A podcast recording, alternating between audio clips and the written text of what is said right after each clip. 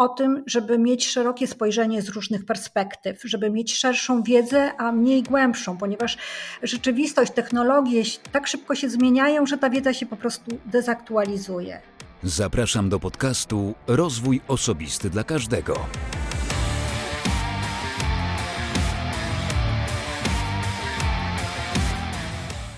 Ja nazywam się Wojtek Strusik, a Ty będziesz słuchać właśnie 142 odcinka podcastu Rozwój Osobisty dla Każdego, który nagrywam dla wszystkich zainteresowanych świadomym i efektywnym rozwojem osobistym. Zanim powiem Ci, o czym rozmawiałem z moim dzisiejszym gościem, to pozwól, że przypomnę, że w ostatnim odcinku rozmawiałem z Karolem Wiszomirskim, a z Karolem rozmawiałem o biohackingu. Wiele bardzo ciekawych, interesujących i prostych w sumie do wdrożenia rad usłyszałem od Karola i słuchacze również, więc jeśli jeszcze nie miałeś, nie miałaś okazji słuchać tego odcinka, to serdecznie do tego zapraszam.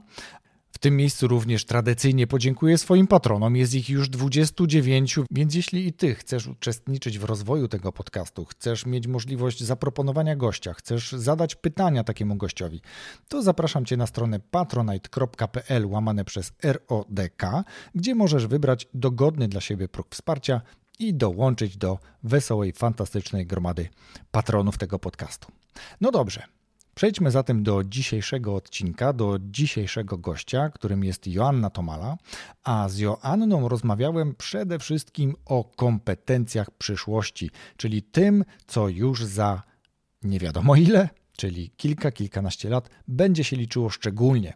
Rozmawiałem też o tym, co przestaje się powoli liczyć, na co już tak bardzo nie zwracamy uwagi. Mówiliśmy trochę o zawodach przyszłości, mówiliśmy trochę o tym, czy ta technologia, której niejednokrotnie ludzie się dość mocno obawiają, faktycznie nam zagraża, czy zagraża nam w jakimś sensie sztuczna inteligencja, którą oglądamy czasem w filmach o różnych e, zakończeniach akcji. W rozmowie z Joanną usłyszysz wiele ciekawych, wartościowych wskazówek, które przygotują cię tak naprawdę do, do przyszłości, do, do, do rozwoju kompetencji przyszłości. Rozmowa z Joanną to liczne wskazówki, to jej własne doświadczenia, to jej rady dla słuchaczy podcastu, co robić, żeby skutecznie rozwijać kompetencje przyszłości, jak się do tego przygotować, bo tak naprawdę kompetencje przyszłości to między innymi gotowość na zmiany, ale nie tylko. Dlatego zapraszam już teraz do wysłuchania rozmowy z Joanną. Nazywam się Joanna Tomala i jestem e, taką osobą, która jest cały czas w podróży, ciekawą świata. Jestem chyba taką generalistką, bym o sobie powiedziała, bo jestem absolwentką filozofii, a całe swoje życie zawodowe spędziłam w biznesie, który lubię. Lubię biznes, lubię rozmach. E, pracowałam, pracuję z dużym biznesem i w dużym biznesie e, w usługach świadczących e, transformację cyfrową do najlepszych światowych marek.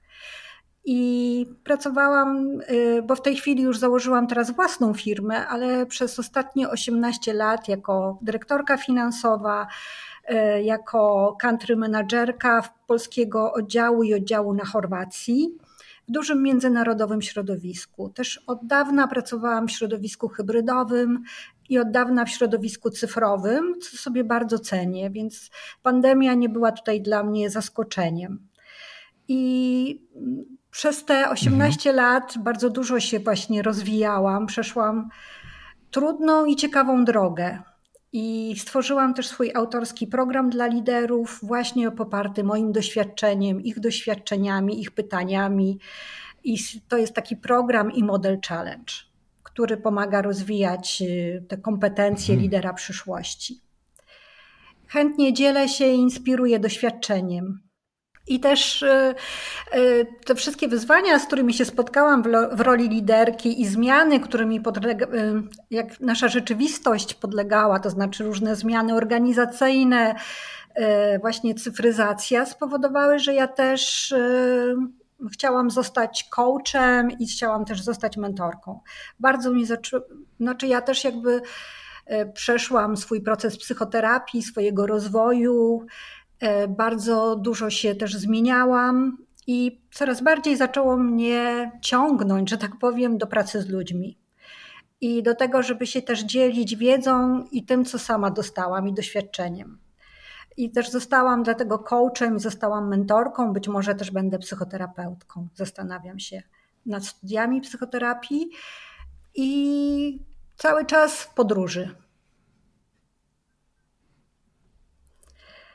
Ciekawe połączenie mm, filozofii, biznesu, finansów, operacji. Myślę, że trochę też pewnie strategii. E, I powiem Ci, że to, co powiedziałeś, jest mi, jest mi też szalenie bliskie. Ja o od ponad 20 lat pracuję blisko ludzi, z ludźmi i bardzo sobie cenię te wszystkie współprace, ucząc się wiele od tych osób, ale też dzieląc się, tak jak ty przed chwilą powiedziałaś, ja również staram się dzielić swoim doświadczeniem, tak żeby nam wszystkim tak naprawdę pracowało się lepiej, a organizacja, dla której pracujemy, realizowała lepsze wyniki, bo przecież gdzieś tam na końcu też o to chodzi i po to, i po to pracujemy, więc e, bardzo ciekawe przedstawienie siebie, bardzo ciekawe połączenie. Najbardziej mnie urzekła ta filozofia, później nagle mówisz dyrektor finansowy. No to super, pewnie do tego nawiążemy. Natomiast zanim przejdziemy do sedna, dlaczego dzisiaj rozmawiamy, to pewnie wyjaśnimy słuchaczom za chwilkę, ale pozwól, że przejdę od razu do tych pytań, które standardowo zadaję gościom podcastu, czyli zapytam Ciebie o to, jaka jest Twoja pasja albo jakie masz pasje, jeśli jest ich więcej. Moją pasją jest y, bez wątpienia, bez wątpienia ciekawienie się światem, czyli poznawanie nowych rzeczy, y, uczenie się nowych rzeczy. Y, mnie to fascynuje, że świat się cały czas zmienia. Nowe technologie, jestem taką umiarkowaną technooptymistką i też praca z człowiekiem, inspiracja wzajemna. E, zarządzanie też ludźmi, e, wspomaganie w procesie zmiany, dostrzeganie, co w tej zmianie jest takiego ciekawego. Ja w ogóle kiedyś panicznie bałam się zmiany. W ogóle panicznie. Byłam przekonana, że nic ode mnie nie zależy i najlepiej, żeby było tak, jak jest, nawet jak nie jest najlepiej. I życie mnie zmusiło do wielu zmian, i też zaczęłam dostrzegać w nich różne pozytywy. I też widzę, że wszystko się w naszej rzeczywistości zmienia, i też chętnie mm, tą zmianę poznaję, eksploruję, e, fascynuję się nią, wspieram siebie i innych w tym. I to jest też taka cały czas ciekawość, zaufanie do świata, przygoda, podróż. Oprócz tego jeszcze kino. O, super. A na czym ostatnio byłaś w kinie? E, ostatnio Ostatnio, wiesz to, e, Ostatnio, teraz może powiem właśnie jakoś tego tak dokładnie. Ostatnio, ostatnio oglądałam na Netflixie bardzo fajny film. To był dokument. Nazywał się Last no, Shaman. Domowe kino teraz. Tak, i to był przeciekawy film. Właśnie Last Shaman to był o takim chłopaku, który, Amerykaninie, który zachorował na depresję. I nie pomagały mu y, takie tradycyjne, konwencjonalne metody. Miał zresztą rodziców lekarzy i postanowił pojechać do Peru i tam szukać rozwiązań, tam szukać alternatywnej, alternatywnego leczenia, ponieważ stracił w ogóle, miał 23 lata i stracił w ogóle sens życia, w ogóle nic mu się nie chciało, nic go nie interesowało. I to jest taka jego podróż po tym Peru i y, on brał też ayahuaskę, mm, ale też miał taką okazję, żeby się spotkać sam ze sobą. Dużo czasu spędzał, y, spędzał sam ze sobą, miał też taką okazję, żeby w ogóle poznać inny styl życia niż ten, który w Ameryce. Y, miał takie momenty odosobnienia, gdzie sam sobie zadawał pytania. No i samo to zażywanie też ayahuaski, to z jakimi ludźmi się tam spotykał, trafiał na, na takich y, zwykłych oszustów, trafiał też na takich prawdziwych uzdrowicieli, którzy nie brali za to pieniędzy pieniędzy spowodowało, że on jakby nie odzyskał, e, nie wyzdrowiał całkowicie, ale zaczął odzyskiwać radość życia i wrócił do Stanów. I to był taki początek jego drogi, bo to, co się zmieniło, to się zmienił jego sposób patrzenia na świat. Sposób wartości, że tam to takie proste życie, proste relacje, to wszystko e, zmieniło jego perspektywę i jakby zaczął się jego taki proces uzdrawiania. Więc przeciekawy film, bardzo polecam, naprawdę bardzo ciekawy. O szukaniu siebie, o szukaniu też w takiej chorobie jak depresja głębszego sensu. Nie tylko fizycznej, fizycznego, ale też takiego duchowego. Bardzo ciekawy. Na pewno, e, na pewno jakby wymienimy, czy ja wymienię w opisie tego odcinka podcastu ten film, tak żeby te osoby, które nas słuchają, nie martwiły się, że muszą teraz gdzieś sobie zanotować ten tytuł.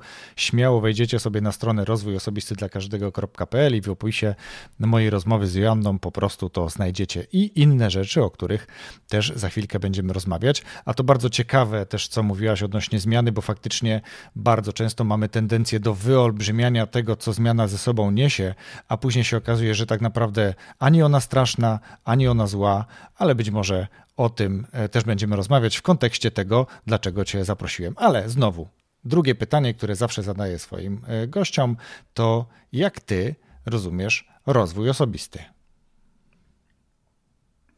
Dla mnie to jest e, przede wszystkim poznanie siebie. Poznanie tego, co jest dla mnie ważne, jakie są moje wartości i kim ja w ogóle jestem, co jest moje, co jest zapożyczone od moich rodziców, szkoły, otoczenia y, i takiego taki właśnie szeroko pojętego otoczenia. To jest dla mnie takie spotkanie ze sobą przede wszystkim. To jest kontakt ze sobą, y, ze swoim ciałem, doświadczanie. Rozwój to jest doświadczanie, próbowanie różnych rzeczy. Pytanie o marzenia, jakie są moje marzenia dość, tak jak powiedziałam, doświadczanie, kontakt ze sobą, obecność, bycie tu i teraz. To jest medytacja, ale dla mnie też zaufanie do świata, ciekawość, działanie, doświadczanie jeszcze raz i też dzielenie się z tym innymi. To znaczy inspiracja wzajemna, budowanie bliskich relacji też i dzielenie się e, tym, co dostałam, wiedzą i doświadczeniem, czyli też taka interakcja. To jest dla mnie rozwój osobisty. I znowu czuć, czuć i słychać e, filozofię w tym, co powiedziałaś.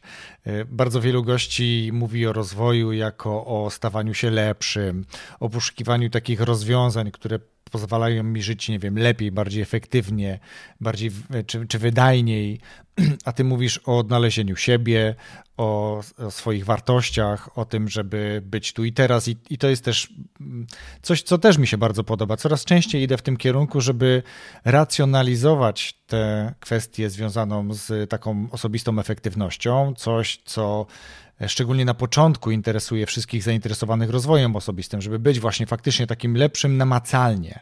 A dopiero z czasem, kiedy mm, tych refleksji przychodzi dużo, tych autorefleksji tak naprawdę, to zaczynamy zdawać sobie sprawę z tego, że to jest dalej gonitwa, że, że jakby próbowanie, podkręcanie, czy podkręcanie samemu sobie śrubki tej, tej wydajności jest taką gonitwą. To jest takie jak chomik w tej klateczce, w tym kołowrotku takim. Natomiast dopiero z czasem dojrzewamy, tak myślę, to mówię trochę za siebie, ale mam wrażenie, że ty się też ze mną zgodzisz, dojrzewamy do tego, że ten rozwój jest trochę bardziej takim poszanowaniem czasu, tym takim e, poszanowaniem relacji, relacji z samym sobą również bardzo często, więc to, to też bardzo mi się podoba E, co powiedziałaś. Ale mm, jesteś tutaj dlatego też, że Twoje wypowiedzi, a miałem okazję słuchać Ciebie na Clubhouse wtedy, kiedy on jeszcze bardzo mocno się rozwijał i działał. Dawno mnie tam nie było, więc nie wiem, jak to wygląda dzisiaj, ale mam wrażenie, że troszeczkę się to ustabilizowało. Mm, to też podobało mi się to, co mówiłaś, i mówiłaś w kontekście tego, co dopiero będzie, tego, czego możemy się spodziewać, tego, co, jak się do tego czegoś przygotować. Ja z jednej strony mówiłaś o, o, technologii, o tym, jak ona postępuje, jak się rozwija, a z drugiej strony jeden z gości mówił, że tak naprawdę ta technologia to jest trochę taka wydmuszka, bo od wynalezienia mikrofali nic takiego wielkiego już nie wynaleźli. E, można z tym polemizować oczywiście, natomiast chodzi o to, że są e, różne poglądy na różne sytuacje i ja szanuję każdy e, z takich poglądów. Natomiast niesamowicie interesuje mnie to, jak można przygotować się do tego, czego nie wiemy tak naprawdę, bo nie znamy przyszłości, nikt jej nie zna. Każdy chciałby gdzieś w tej przyszłości być właśnie lepszym, spokojniejszym, bardziej zasobnym, e, więc myślę, że porozmawiamy sobie teraz o takich kompetencjach, które e, być może takich, które się kiedyś liczyły bardziej, dzisiaj już przestają się liczyć, a w przyszłości w ogóle być może nie będą się liczyć. I znowu odwrotnie, takich, których do tej pory nie docenialiśmy, myślę tutaj właśnie o takich mm, kompetencjach, dobra, nie będę wybiegał, bo, bo to moje myśli, więc ja będę miał okazję, mam nadzieję, gdzieś się tutaj jeszcze wtrącić, ale takich kompetencjach, które teraz zaczynają się rozwijać, zwracamy na nie uwagę, a w przyszłości będą, myślę, bardzo istotne. Więc zacznijmy od tych pierwszych. Które kompetencje według Ciebie kiedyś liczyły się bardzo, dzisiaj liczą się tak sobie, a w niedalekiej przyszłości, myślę, kilku, kilkunastu najbliższych lat mogą niemalże przestać się w ogóle liczyć? To na pewno wąska specjalizacja, ponieważ my żyjemy w świecie, który się też bardzo szybko zmienia i tak nie, naprawdę nie do końca wiemy, jakie będą te zawody przyszłości, jak, jak w ogóle nasze życie będzie wyglądało. Chociażby przykład z pandemią, ale też z rozwojem, z rozwojem nowych technologii. Więc to, że kiedyś bardzo cenne były takie wąskie specjalizacje. Dzisiaj się mówi o tym, i ja zresztą z tego się bardzo cieszę, bo ja jakoś tak w sposób spontaniczny to robię, e, intuicyjnie, e, mówi się o tym, że o interdyscyplinarności o tym, żeby mieć szerokie spojrzenie z różnych perspektyw, żeby mieć szerszą wiedzę, a mniej głębszą, ponieważ rzeczywistość, technologie tak szybko się zmieniają, że ta wiedza się po prostu dezaktualizuje. Więc na pewno, na pewno to. Czasami słyszę mm, od moich klientów, jaka praca będzie na całe życie, co ich ustawi. Nie ma tego, czegoś takiego już jak praca na całe życie. My będziemy zmieniali zawody, co najmniej kilka razy, jak nie kilkanaście. I to jest też naturalne i, i to jest to jakby taka, to są takie rzeczy, które mi najbardziej w tej chwili przychodzą do głowy, czyli y, liczenie na to, że sytuacja będzie stabilna, że ja się jakoś ustawię, że się wyspecjalizuję, to wszystko jest bardzo złudne. Y, y, myślę, że warto jest sobie po prostu dzisiaj powiedzieć: Ja nie wiem, ja nie wiem, jak będzie, i to jest, i akceptuję to. Jestem na to przygotowany, przygotowana. Ja przy, tak po prostu. Mm, tak, się, e, tak, tak chcę żyć, żeby wiedzieć, że wszystko się będzie zmieniać. I to jest taki pierwszy krok. Mhm szalenie istotne i to znowu się odwołuje do tego, co mówiłaś na początku, przedstawiając siebie i później trochę też przedstawiając swoją pasję, czyli ta otwartość na zmianę. Danie sobie takiego przyzwolenia, że nie ma nic, co jest pewne. Kiedyś i do tego też gdzieś pośrednio mm, się odnosiłaś, że faktycznie nasi rodzice, moi rodzice, ich rodzice, czyli moi dziadkowie, nasi dziadkowie, e, mieli właśnie taką pracę od zatrudnienia niemalże do emerytury, tak? Czy to był zakład produkcyjny, czy to była kopalnia, huta, czy jakiekolwiek inne, mm, inne przedsiębiorstwo, to zwykle tam się pracowało już naprawdę do emerytury. Znało się tych ludzi, mało kto się tam rotował. Mm, mieliśmy, czy, czy jakby te osoby mm, integrowały się w ramach tych zakładów. Dzisiaj niektórzy menadżerowie, i tu pewnie trochę też ich zachęcimy do tego, żeby dali sobie przyzwolenie na to, że tak po prostu teraz jest i będzie przez najbliższe lata. Mm, ta, nawet tak rozmawiam z, z młodymi członkami zespołów, e, z którymi współpracuję, że oni przychodzą do firmy, chcą się czegoś nowego nauczyć, nie wiążą się emocjonalnie z tą firmą i po prostu po nawet czasem nie dwóch latach idą do kolejnej firmy i do kolejnej firmy. Robią dokładnie to, o czym ty mówisz, czyli zmieniają niejednokrotnie w ogóle cały front e, tego doświadczenia zawodowego. Rozpoczynają od jakiegoś asystenta w jakimś dziale X, a później zupełnie inny front w innej firmie, uczą się zupełnie nowych doświadczeń. I to jest coś, co, e, czyli ta jednostajność, ta, ta, takie dogłębne znanie jednego frontu, jednego nurtu odchodzi do lamusa. W takim razie można by trochę odkręcić to i powiedzieć: no dobrze, no to jakie będą te kompetencje przyszłości, na co dzisiaj zwrócić uwagę. Ja mam swoje pomysły, ale ciekaw jestem Twoich, a później z Tobą i z słuchaczami podzielę się, jak ja to widzę. No przede wszystkim to też jeszcze chciałam powiedzieć, że wyjść z takiego zero-jedynkowego myślenia i właśnie przyzwyczaić się do zaakceptować stan, że ja nie wiem. Nie wiem, próbuję, doświadczam, rozwijam się, wszystko się zmienia, a ja śledzę trendy, ponieważ warto śledzić jest trendy, warto się interesować e, tym, co się dzieje, bo wiele osób myślę, że nawet nie ma świadomości, że za kilka lat nas czeka bardzo duża taka rewolucja technologiczna, więc y, ludzie sobie tego nawet nie zdają sprawy. Więc po prostu otwartość, ciekawość.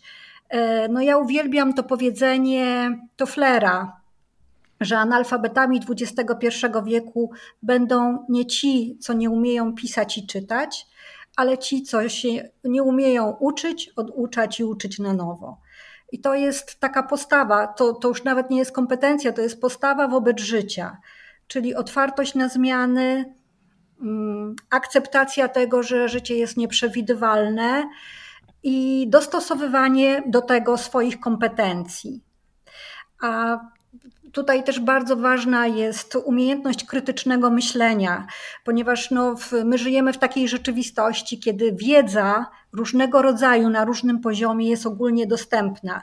Więc y, ważne jest, żebyśmy my umieli odróżnić ziarno od plew, czyli żebyśmy umieli odróżniać. Ja ostatnio teraz czytam książkę Natalii Hatalskiej, Wiek Paradoksów, czy Technologia na socali. Ona pisze, że y, media społecznościowe też w jakiś sposób działają tak, żeby nas uzależnić, że w internecie informacje, które są nieprawdziwe, dużo szybciej się rozchodzą niż prawdziwe. Więc to taką kompetencją, którą, która jest ważna, to jest właśnie przede wszystkim zajęcie postawy akceptującej zmiany, tego, że nie wiemy, doświadczanie, ciekaw, ciekawienie się światem, a kompetencje to jest umiejętność właśnie krytycznego myślenia, kreatywność, nie szukanie takiej sztampy, robienie tego, co wszyscy, tylko szukanie swojej ścieżki, swojej niszy. To jest kolejna kompetencja. Następna kompetencja to jest umiejętność rozwiązywania złożonych problemów też to jest, y, y, to jest też takie wyjście z zero-jedynkowego postrzegania świata, że coś jest czarne albo białe, bo tak naprawdę na świat jest nieoczywisty. Mm, to jest też no, adaptacja do zmiany, też o tym mówiłam, ale też y, silne oparcie w sobie, bo w tej takiej rzeczywistości nieprzewidywalnej, gdzie jest dużo fake newsów, gdzie mm, no, gdzie jest też dużo informacji, które są sprzeczne ze sobą, e, warto jest przede wszystkim wiedzieć, kim ja jestem. I też e, budować takie oparcie w sobie silne i mieć otwartość na ten zmieniający się świat, który jest niestabilny. No mhm. i uczyć się jak najwięcej, ciekawość. O trendach. Mhm. interdyscyplinarność. Jasne. Tak. Mówiłaś, mówiłaś o trendach. Z trendami, czy o trendach rozmawiałem też e, z Januszem, którego też notabene poznaliśmy, myślę, razem e, na Clubhouse, chyba że znałaś Janusza już wcześniej. E, Janusz też miał okazję, a ja miałem przyjemność rozmawiania z Januszem w tym podcaście. Dużo o trendach. Właśnie też mówił o, o książce i generalnie o, o Hadalskiej jako tej, którą warto śledzić, która właśnie poddaje trendy taką, nazwijmy ją trendseterką trochę, szczególnie jeśli chodzi o kwestie no, technologii, ale i właśnie kompetencji przyszłości. Faktycznie też całkiem niedawno mignął mi taki wpis e, o tym, że, że chętniej reagujemy na treści, które zawierają w sobie fałsz, e, niż na te, które zawierają w sobie prawdę, bo prawda wydaje się być wtedy oczywista i no cóż tu polemizować z czymś, co jest prawdziwe. Natomiast kiedy to jest fałszywe, no to nagle e, pojawiają się fronty tych, którzy będą bronić prawdy i obalać tę fałszywą informację, ale też będą nagle ci, którzy będą bronić tej fałszywej informacji. I tutaj wywiązują się dyskusje i takie e, posty faktycznie wiralowo roznoszą się w sieci, co powoduje, że jak ktoś nie ma tej kompetencji, o której dużo mówiłaś, czyli kompetencji krytycznego myślenia, ja cały odcinek solowy nagrałem o krytycznym myśleniu właśnie w kontekście mediów społecznościowych, no to może się w tym zatracić, może się w tym trochę pogubić, bo e, człowiek, ale też tak naprawdę ten jego mózg, który przejmuje bardzo często e, zarząd nad, nad całą osobą, wybiera coś, co wygodne, nad czym nie trzeba się pocić i wymyśleć, czyli coś, co E, widzi, a niekoniecznie e, coś, czego nie widzi. Mówimy tu o takim efekcie góry lodowej, kiedy obrazek mówi całą prawdę. No, obrazek pokazuje tylko obrazek, daną chwilę, ułamanie, e, ułamek sekundy, a nie, nie pokazuje całej prawdy o sytuacji, o człowieku i tak dalej. Zresztą wiemy też, że zdjęcia mogą pokazać inną perspektywę tego samego zdarzenia. To przypomnę, że początek pandemii pokazywał, nawet nie początek, ale powiedzmy lato ubiegłorocznej pandemii pokazywało zdjęcie plaży i z jednego ujęcia pełna plaża ludzi, a z ulotu ptaka plaża wcale już tak pełna e, nie była, więc to jest też kwestia manipulowania i, i tutaj też ta umiejętność krytycznego myślenia bardzo się e, przydaje. Nie tylko tu, ale myślę, że tutaj przede wszystkim. Ale myślę, że w kompetencjach, e, czy jeśli mówimy o kompetencjach przyszłości, myślę, że też w, obserwując Twoją działalność w mediach społecznościowych, głównie na LinkedInie, też widziałem takie przepływające posty dotyczące zmiany w podejściu, jeśli chodzi o przywódców, o liderów, bo tutaj też dużo wypowiadasz się w tym temacie i, i mówisz o tym, że te, ten lider, ten, ten przywódca będzie przyszłości musiał być trochę bardziej empatyczny, trochę bardziej po ludzku reagować, e, tworzyć te relacje w taki sposób, już nie być tylko zero-jedynkowym, mówiliśmy o zero-jedynkowym podejściu, ale nie być takim szefem zero-jedynkowym, który, dla którego liczy się tylko wynik, albo tylko dane konkretne zadanie, tylko liczą się ludzie i tutaj właśnie ta empatia bardzo mocno się przydaje. Czy coś tu dodasz do tego, bo myślę, że tam tych treści o, o empatii mm, jako kompetencji przyszłości też było więcej. Tak, bo też rzeczywiście empatia to jest bez, bez wątpienia, jest tutaj bardzo ważna. Ja myślę, że ona już tutaj w tej chwili to nie jest, już, znaczy to, to jest tak, to jest już kompetencja, którą teraz warto rozwijać i której się warto nauczyć, bo można się tego nauczyć.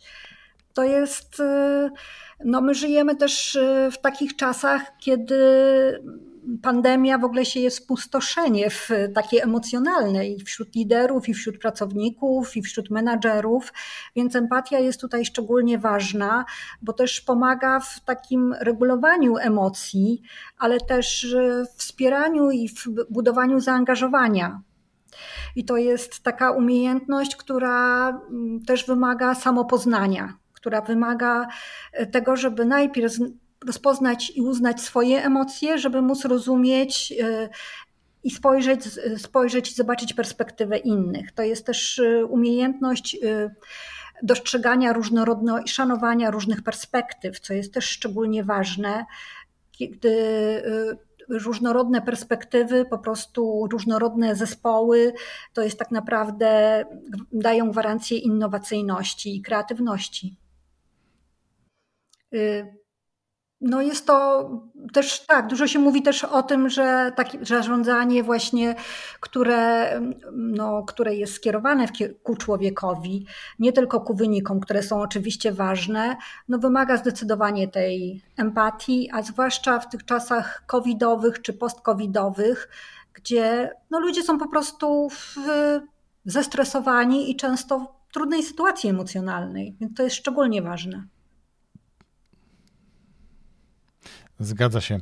Y, ja myślę, że tutaj też y, istotne jest to, ponieważ i tu znowu trochę odniesiemy się, czy ja odniosę się, ale kontynuując Twój wątek tak naprawdę, do wpływu czy skutków pandemii y, na jednostkę, kiedy w bardzo wielu zakładach pracy, firmach, nazwijmy to może tak, nagle okazało się, że trzeba pracować z domu. My wcześniej jako społeczeństwo, całkiem młode, jeśli chodzi o takie rozwiązania, nie umieliśmy się odnaleźć. I tutaj nagle zamknięcie w czterech ścianach y, z ludźmi, z którymi się nie przebywało tak wiele godzin jednego e, czasu czy jednego dnia, nagle e, tu się różne rzeczy zaczęły dziać e, w relacjach i to niekoniecznie dobre, więc faktycznie pandemia tutaj wpływa, ale też myślę, że ona wpłynęła na pewnego rodzaju izolację.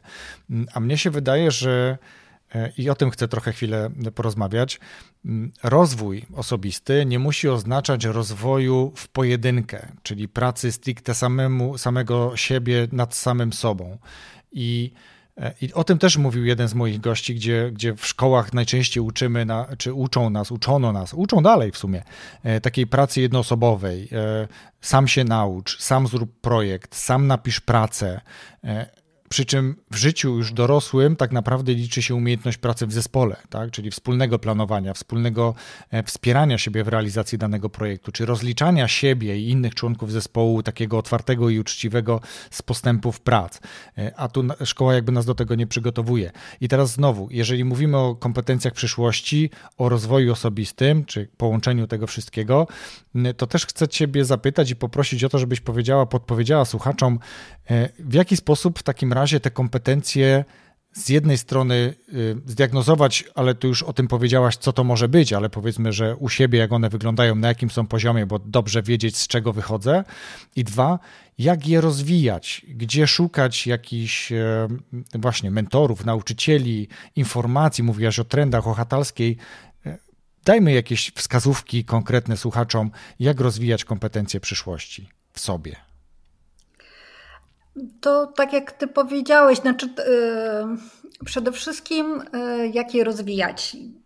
Rozwijać siebie przede wszystkim, to znaczy zadawać sobie takie pytanie, jakie są moje wartości, kim ja jestem, kim chcę być. Y, I to, jest, to są chyba takie pierwsze podstawowe pytania. Y, co ja chcę robić, co jest dla mnie ważne. I, bo bez tego, jakby dla mnie to jest pierwszy krok dla mnie to jest też pierwszy krok. Jak ja nie wiem, jakie są moje wartości, to trudno mi jest myśleć krytycznie. I warto, ja mogę też powiedzieć trochę o swojej drodze może, jaką ja miałam drogę. Ja, ja akurat y, wyszłam z domu, który był trudny, nie miałam wsparcia w rodzicach, więc y, no sama sobie musiałam radzić i też byłam taką Zosią Samosią. Ja byłam tą dorosłą i bardzo się osamotniałam właśnie. Byłam taka dzielna, zawsze zwarta, i były takie momenty, też jako liderka, nie byłam, byłam też często niedostępna, mnie samej było trudno i też moje zarządzanie wymagało różnych y, różnych, y, no, no, też pozostawiało do życzenia. Sama ze sobą się zaczęłam źle czuć, więc no ja poszłam akurat na psychoterapię, od tego zaczęłam.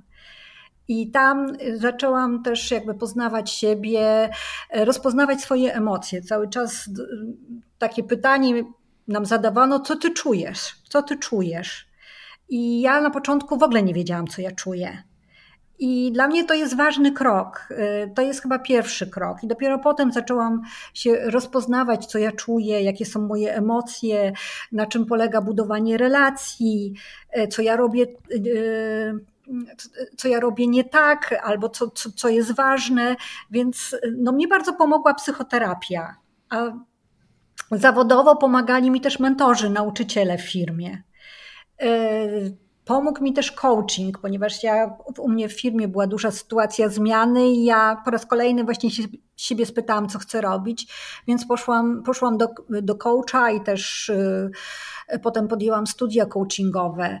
Nauczyłam się tego, żeby właśnie wspierać. No, to, co ja robię, to, co warto robić, to wybrać sobie takie osoby, które w naszej dziedzinie są dla nas autorytetami, starać się je poznać, nie obserwować, a jeśli jest to możliwe, to je poznać i rozmawiać z nimi, inspirować się, jak one doszły do tego, gdzie my chcemy być. To jest właśnie taki mentoring. Y, to jest śledzenie trendów, o którym mówiłam. Jeśli warto też zrobić sobie porządek ze sobą, jeśli mamy jakiekolwiek problemy z relacjami, czujemy, że się samotni, coś nam nie wychodzi, to warto wtedy pójść do psychoterapeuty y, i też y, nad tym popracować, czy wziąć udział w jakimś treningu interpersonalnym. Warto po prostu tak, i to, to rozwijać sobie też taką ciekawość, budować sieć kontaktów. To jest też bardzo ważne. Y, i na LinkedInie, ale też w ogóle sieć kontaktów, tak jak na Clubhouse, myśmy się poznali, ja się tam bardzo dużo rzeczy nauczyłam, dużo rzeczy się dowiedziałam. Więc y, brać udział w różnych wydarzeniach też. Y, ja też medytuję, dzięki temu lepszy mam kontakt ze sobą. Czytać książki, czytać biografie, też jakby rzeczywiście to, co ty powiedziałeś, rozwój to nie jest samotność. Rozwój to jest inspiracja wzajemna, zdecydowanie. E, patrzeć właśnie, kto, kto, kto, mi się, kto jest dla mnie autorytetem i, i też patrzeć, co ta osoba robi, jak to osiągnęła. To są takie rzeczy, które mi najbardziej y, chyba pomogły. Ja też uwielbiam, uwielbiałam brać udział w różnych warsztatach ciekawych, o tym, jak się lepiej komunikować, jak realizować swoje marzenia, ale też, y, no właśnie teraz bardzo dużo czytam książek, to też teraz jest bardzo dużo, na przykład są różne ciekawe konferencje o nowych technologiach, Masters and Robots, szukać takich informacji, tego co mnie interesuje i sprawdzać, czy to jest moje, co jest moje, co jest moje. I ważne, żeby to tak naprawdę było też moje. Muszę powiedzieć, że powiedziałaś tak dużo teraz, że zastanawiam się, czy nie pogubię sobie tych wszystkich pytań, które w międzyczasie mi się w głowie budowały. Bo z jednej strony chcę Ci podziękować, jesteś kolejnym gościem, który otwarcie mówi o tym, że był na terapii. I, i to jest coś, co myślę, że powinniśmy coraz częściej podnosić i, i, budować takie wyobrażenie tego, że to nie, jest, e, to nie jest coś złego, że ktoś był na terapii, to jest coś bardzo dobrego, to jest e, jakby taki przejaw dużej, dużego, dużej dojrzałości, takiego dużego zaangażowania w chęć właśnie tej zmiany, znalezienia dobrego rozwiązania, zmierzenia się z tym, z czym sam, samemu, e, samej nie jesteśmy w stanie sobie poradzić. Czyli nie, nie wystarczy czasem porozmawiać z przyjacielem, bo przyjaciel powie, a dasz sobie radę, a wszystko będzie ok. Natomiast terapeuta, osoba, która jest przygotowana do tego, potrafi zadać takie pytania, które naprowadzą nas na jakąś ścieżkę odpowiedzi. E, znalezienie samemu odpowiedzi na coś też jest zupełnie innym osiągnięciem niż otrzymanie gotowej, e, gotowego rozwiązania. To jest ta, ta, ta wędka i ryba. No można dać komuś rybę i czasami mentor się przydaje, bo daje e, niemalże rybę albo podpowiada, gdzie ta ryba jest, że można ją niemalże wyciągnąć. Natomiast terapia e, i coaching, chociaż to są dwie odrębne rzeczy, ale mają też wiele wspólnego, potrafią naprowadzić, potrafią e, otworzyć taką klapkę odwagi na przykład, tak? pokazać nowe perspektywy, nowe możliwości, które są, a które bez tego prawdopodobnie cały czas by były no tak jak nasi dziadkowie czy rodzice, całe, cała historia zawodowa jest w jednym miejscu pracy. Natomiast to, e, to co się dzieje teraz na, na rynku pracy, w ogóle na świecie, pokazuje, że trzeba być, i o tym mówisz, gotowym na zmianę, e, otwartym na zmianę, nie bać się tej zmiany. I tutaj z odsieczą przychodzą właśnie terapeuci, coachowie, mentorzy. I dobrze, że o tym mówiłaś. Dobrze też, że mówiłaś o tym, że medytujesz, bo to jest coś, co bardzo wiele osób jeszcze traktuje jako takie coś, wiesz taką wydmuszkę troszkę, taką, taką, taką filozofię do czegoś, co, co może jest mało istotne. To jest o, jak marketing niemalże, tak? To, to jest coś takiego, że, że to jest trochę historia jak o marketingu. Natomiast ja też coraz częściej jakby sięgam do tego i, i, i pracuję nad tym, żeby e, uczyć się tego, tak? Codziennie rano jakby wykonuję pewne takie ćwiczenia, zaczynając od takiej dosłownie kilkuminutowej medytacji, bo to wystarczy niemalże. To nie musi być coś, co nam się odnośnie medytacji wyobrażało, że siedzi mnich e, na jednym kamieniu, e, prawda, utrzymuje równowagę i on siedzi tak 4 godziny i to jest medytacja. Nie, medytacja może trwać dosłownie kilka minut i kilka, mówię tutaj dwie minuty, a nie, nie 15, chociaż 15 też może oczywiście.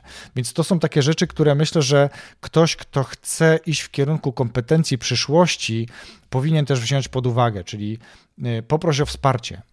coach, mentor, jeśli czujesz, że to jest trochę trudniejsze, to nawet terapeuta, y, osoba przygotowana do tego.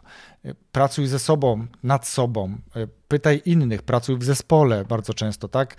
Ja muszę powiedzieć, że tutaj, nie wiem, czy miałaś doświadczenie albo słyszałaś o czymś takim, bardzo popularne są już nie tylko w kontekście biznesowym, ale też w kontekście rozwoju tak zwane mastermindy, czyli spotkania w małych grupach osób o różnym doświadczeniu, które w określonych, czy na określonych spotkaniach o określonej częstotliwości wypracowują sobie swoje własne cele, tak? Każdy o tym rozmawia, mówi, jakie ma problemy, usłyszy e, jakby obiektywne opinie innych i idzie do przodu.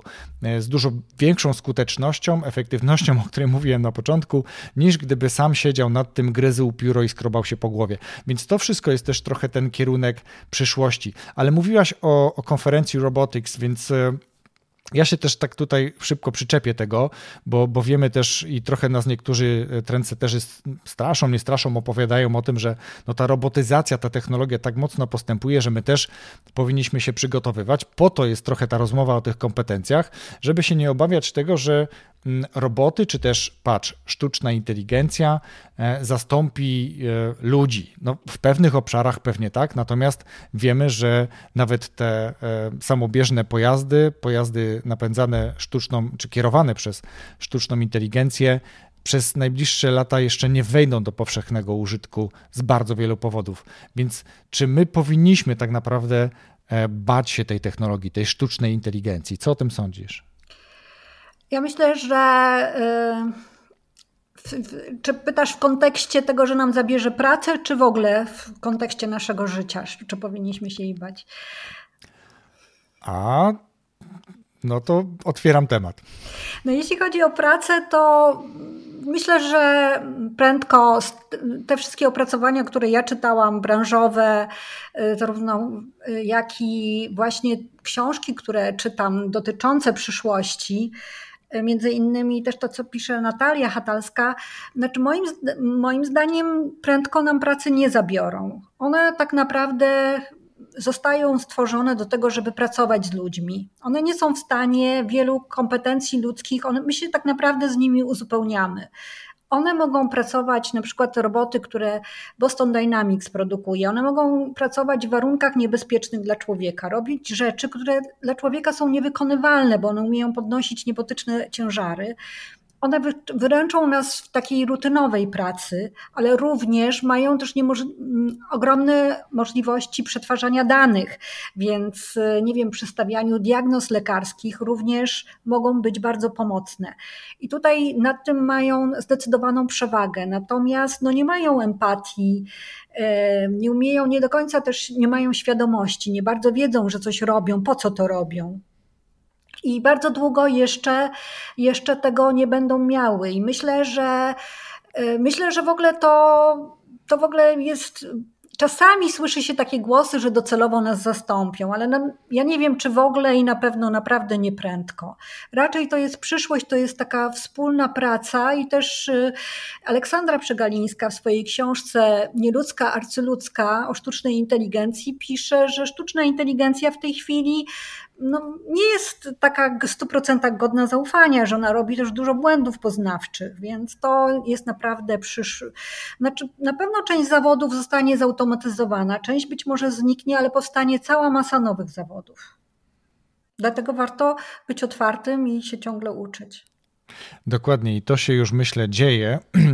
Niektóre zawody nawet ostatnio widziałem taki post na LinkedInie, gdzie zorganizowano wsparcie dla szewca, który nie miał pracy bo ludzie, widziałaś go pewnie, bo ludzie e, jakby, no teraz to już tak jest taniej na masową produkcję, znaczy na masową skalę produkowane są te e, buty, mówimy o obuwiu, że ludzie tego nie naprawiają, po prostu wyrzucają. Natomiast ja, ja ale to też nie mogę mówić za wszystkich, ale ja bardzo lubię takie buty, które właśnie oddam do szewca, gdzie on mi jeszcze przymocuje tą e, zalówkę, gdzie on mi jeszcze coś naprawi i ten but e, potrafi naprawdę wiele znieść. Ja pamiętam buty, które były w domu wiele, wiele, wiele sezonów, a nie dwa sezony, więc faktycznie to jest tak, to, to może być akurat taki zawód, który, e, który gdzieś faktycznie wymiera, no bo coraz mniej jest takich butów, które naprawiamy. Ale z drugiej strony ten sam szewc może z szewca, który naprawia buty, stać się szewcem, który buty robi.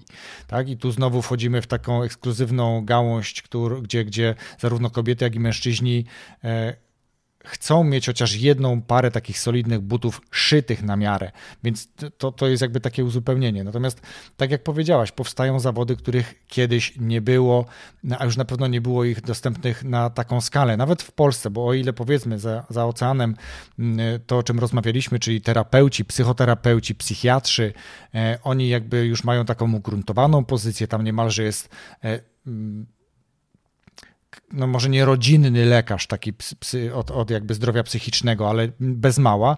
Natomiast my się jeszcze tego uczymy, my się jeszcze tego wstydzimy trochę mówić o tym, że, że jesteśmy, y, czy korzystamy z takiej usługi, z takiej porady lekarskiej, bo to jest lekarz, jak to lekarz. Już tu nawet e, Magda Kopenhagen mówiła o tym, że to jest normalny lekarz. Tak jak boli zombie, idzie się do stomatologa, tak samo jeżeli coś jest na sercu, na, na, na duszy, tak, czyli gdzieś tutaj to, ta, ta korelacja mózgu i emocji, to, to wtedy idzie się do terapeuty najczęściej, tak? Bo, bo tu akurat nie zawsze, mm, raczej nie pomoże coach. Coach pomoże w zmianie i to takiej bardziej, mm, nie tylko zawodowej, osobistej również, ale powiedzmy, że nie tej terapeutycznej, bo ta podstawowa różnica to coach idzie e, e, do przodu i korzysta z tych narzędzi, żeby pchnąć coś do przodu, a terapeuta musi wyleczyć jakąś ranę z przeszłości po to, żeby później móc iść do przodu. Tak e, duże uogólnienie, co prawda, ale myślę, żeby to też przybliżyć słuchaczom, gdyby się gdzieś te wątki nam pogubiły. Więc faktycznie tak jest i myślę, że to, co powiedziałaś, powinno uspokoić słuchaczy, że ten postęp technologiczny wcale nie jest aż tak szybki, a robotyzacja i sztuczna inteligencja, inteligencja nie są na pewno aż tak zaawansowane dzisiaj, żeby na przestrzeni najbliższych kilku, a nawet kilkunastu, być może nawet kilkudziesięciu lat zastąpiły człowieka. Tak jak powiedziałaś, będą nas wspierać w tych obszarach i myślę, że to jest bardzo, bardzo istotne. I, i reasumując, to co powiedziałaś, pokazuje, że tak naprawdę e, otwartość na zmiany, a żeby otworzyć się na zmiany, to warto właśnie doświadczyć albo terapii, albo sesji coachingowych, albo gdzieś właśnie wsparcia e, mentorskiego, żeby otworzyć się na zmianę, czyli otworzyć się na kompetencje przyszłości, czyli otworzyć się na brak obaw w stosunku do tego, co być może technologia ze sobą będzie niosła. I to jest super.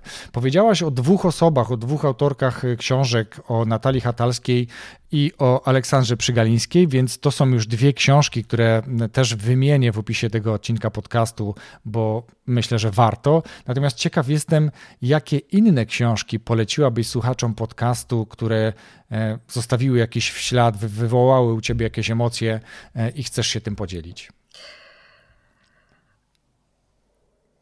Na pewno e, książka, która bardzo na mój rozwój wpłynęła i ostatnio zachwyciła, ponieważ miałam kilka takich trudnych decyzji do podjęcia. E, to jest e, książka e, Transformująca obecność Alana Silla. To jest taka książka, która stawia nowe pytania. Znaczy w ogóle Alan Seal jest autorem takiego powiedzenia, że im większy dramat, tym większe możliwości. To a propos e, zmieniającego się świata i szans, jakie niosą ze sobą zmiany. I to jest też książka, w której padają takie pytania, jak dzieje się coś ważnego w Twoim życiu. Ja zawsze miałam taką tendencję, żeby to szybko zadziałać, naprawić, zareagować. Natomiast Alan Seal zadaje takie pytanie: co ta sytuacja chce ci powiedzieć? I do bycia kim cię tak naprawdę zaprasza i co chce się tutaj wydarzyć. I bardzo tę książkę polecam, bo tutaj to jest też dużo o byciu w ciele, o doświadczaniu, o intuicji, o zaufaniu do świata, ale przede wszystkim o nowej perspektywie. Do tego, że różne zdarzenia żeby na nie spojrzeć inaczej. To znaczy, nie tak jak do tej pory, żeśmy to robili. To jest książka, która jest bardzo inspirująca i, i też bardzo ją polecam. Czytam też tutaj taką książkę, to się nazywa David Epstein, jest autorem. Sięgaj jak najdalej. Dlaczego ludzie o szerokich zainteresowaniach wygrywają w wyspecjalizowanym świecie? Również jest bardzo ciekawa. E, I to są takie książki, które ostatnio, które ostatnio, mm, e, ostatnio tak bardzo mnie poruszyły. Myślę, co jeszcze. E, wiesz co, w tej chwili nie pamiętam autora, ale też jest taka fajna książka Maszyna, Platforma, Tłum. To jest też o przyszłości, o przyszłości technologii, jak one wpłyną na naszą rzeczywistość, jak wpływają na biznes, biznes na społeczeństwo. Ale nie pamiętam w tej chwili autora, mogę później sprawdzić. I ja, ja znajdę autora bez problemu, również go, mm, czy tą książkę, tę książkę, o której teraz powiedziałaś, e, dodam do opisu tego odcinka podcastu. Mm, ewentualnie skonsultuję z Tobą, czy to jest na pewno to, o co e, Tobie chodziło. Natomiast e, myślę, że mm, też w tym miejscu powiem słuchaczom, bo nie każdy słuchacz tego odcinka podcastu może zdaje sobie sprawę, że wszystkie, wszystkie książki polecane przez gości podcastu i polecane przeze mnie są już na stronie w zakładce książki. Tam jest ponad 240 już takich pozycji od początku podcastu rekomendowanych. Część książek oczywiście, że była polecana w kilku różnych odcinkach podcastu, natomiast myślę, że ci, którzy lubią czytać, ci, którzy poszukują takich inspiracji rozwojowych, inspiracji w ogóle, znajdą tam wiele, wiele ciekawych pozycji dla siebie, więc e, tutaj też zapraszam i te książki, które poleciłaś, także się tam znajdą, więc można, e, można będzie je tam poszukać. Zapraszam też do tego, żeby je komentować, jeżeli ktoś już przeczytał i chce się podzielić swoją opinią na ten temat, to też jest doskonałe miejsce do tego. A teraz zapytam Ciebie, mm, Joanno, gdzie Ciebie szukać w sieci, żeby zobaczyć, co publikujesz. Ja mówiłem o LinkedInie, mówiłem o Clubhouse, wiem, że jesteś chyba też na Instagramie, jak się nie mylę, ale tak. gdzie najchętniej odesłałabyś słuchaczy podcastu, gdyby chcieli jeszcze podejrzeć, co publikujesz? Zapraszam na mojego bloga na stronie joannatomala.pl, gdzie piszę i o sztucznej inteligencji, o raportach związanych z zawodami przyszłości, o budowaniu e, pewności siebie, o współczuciu dla samego siebie, też o tym, jak się poruszać w świecie WUKA.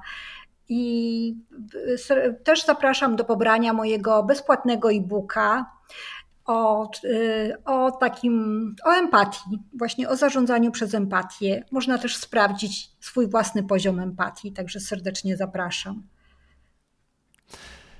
Fantastycznie. Mamy w takim razie kapitalną rozmowę z wieloma ciekawymi wskazówkami od Ciebie, jeśli chodzi o kwestie kompetencji i przyszłości.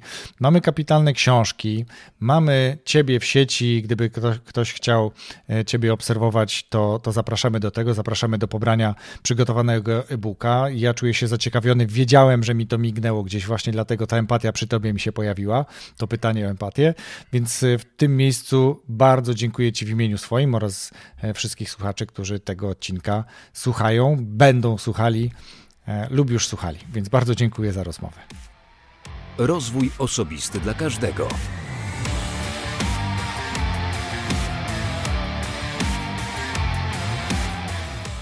Dziękuję za wysłuchanie tej rozmowy do końca.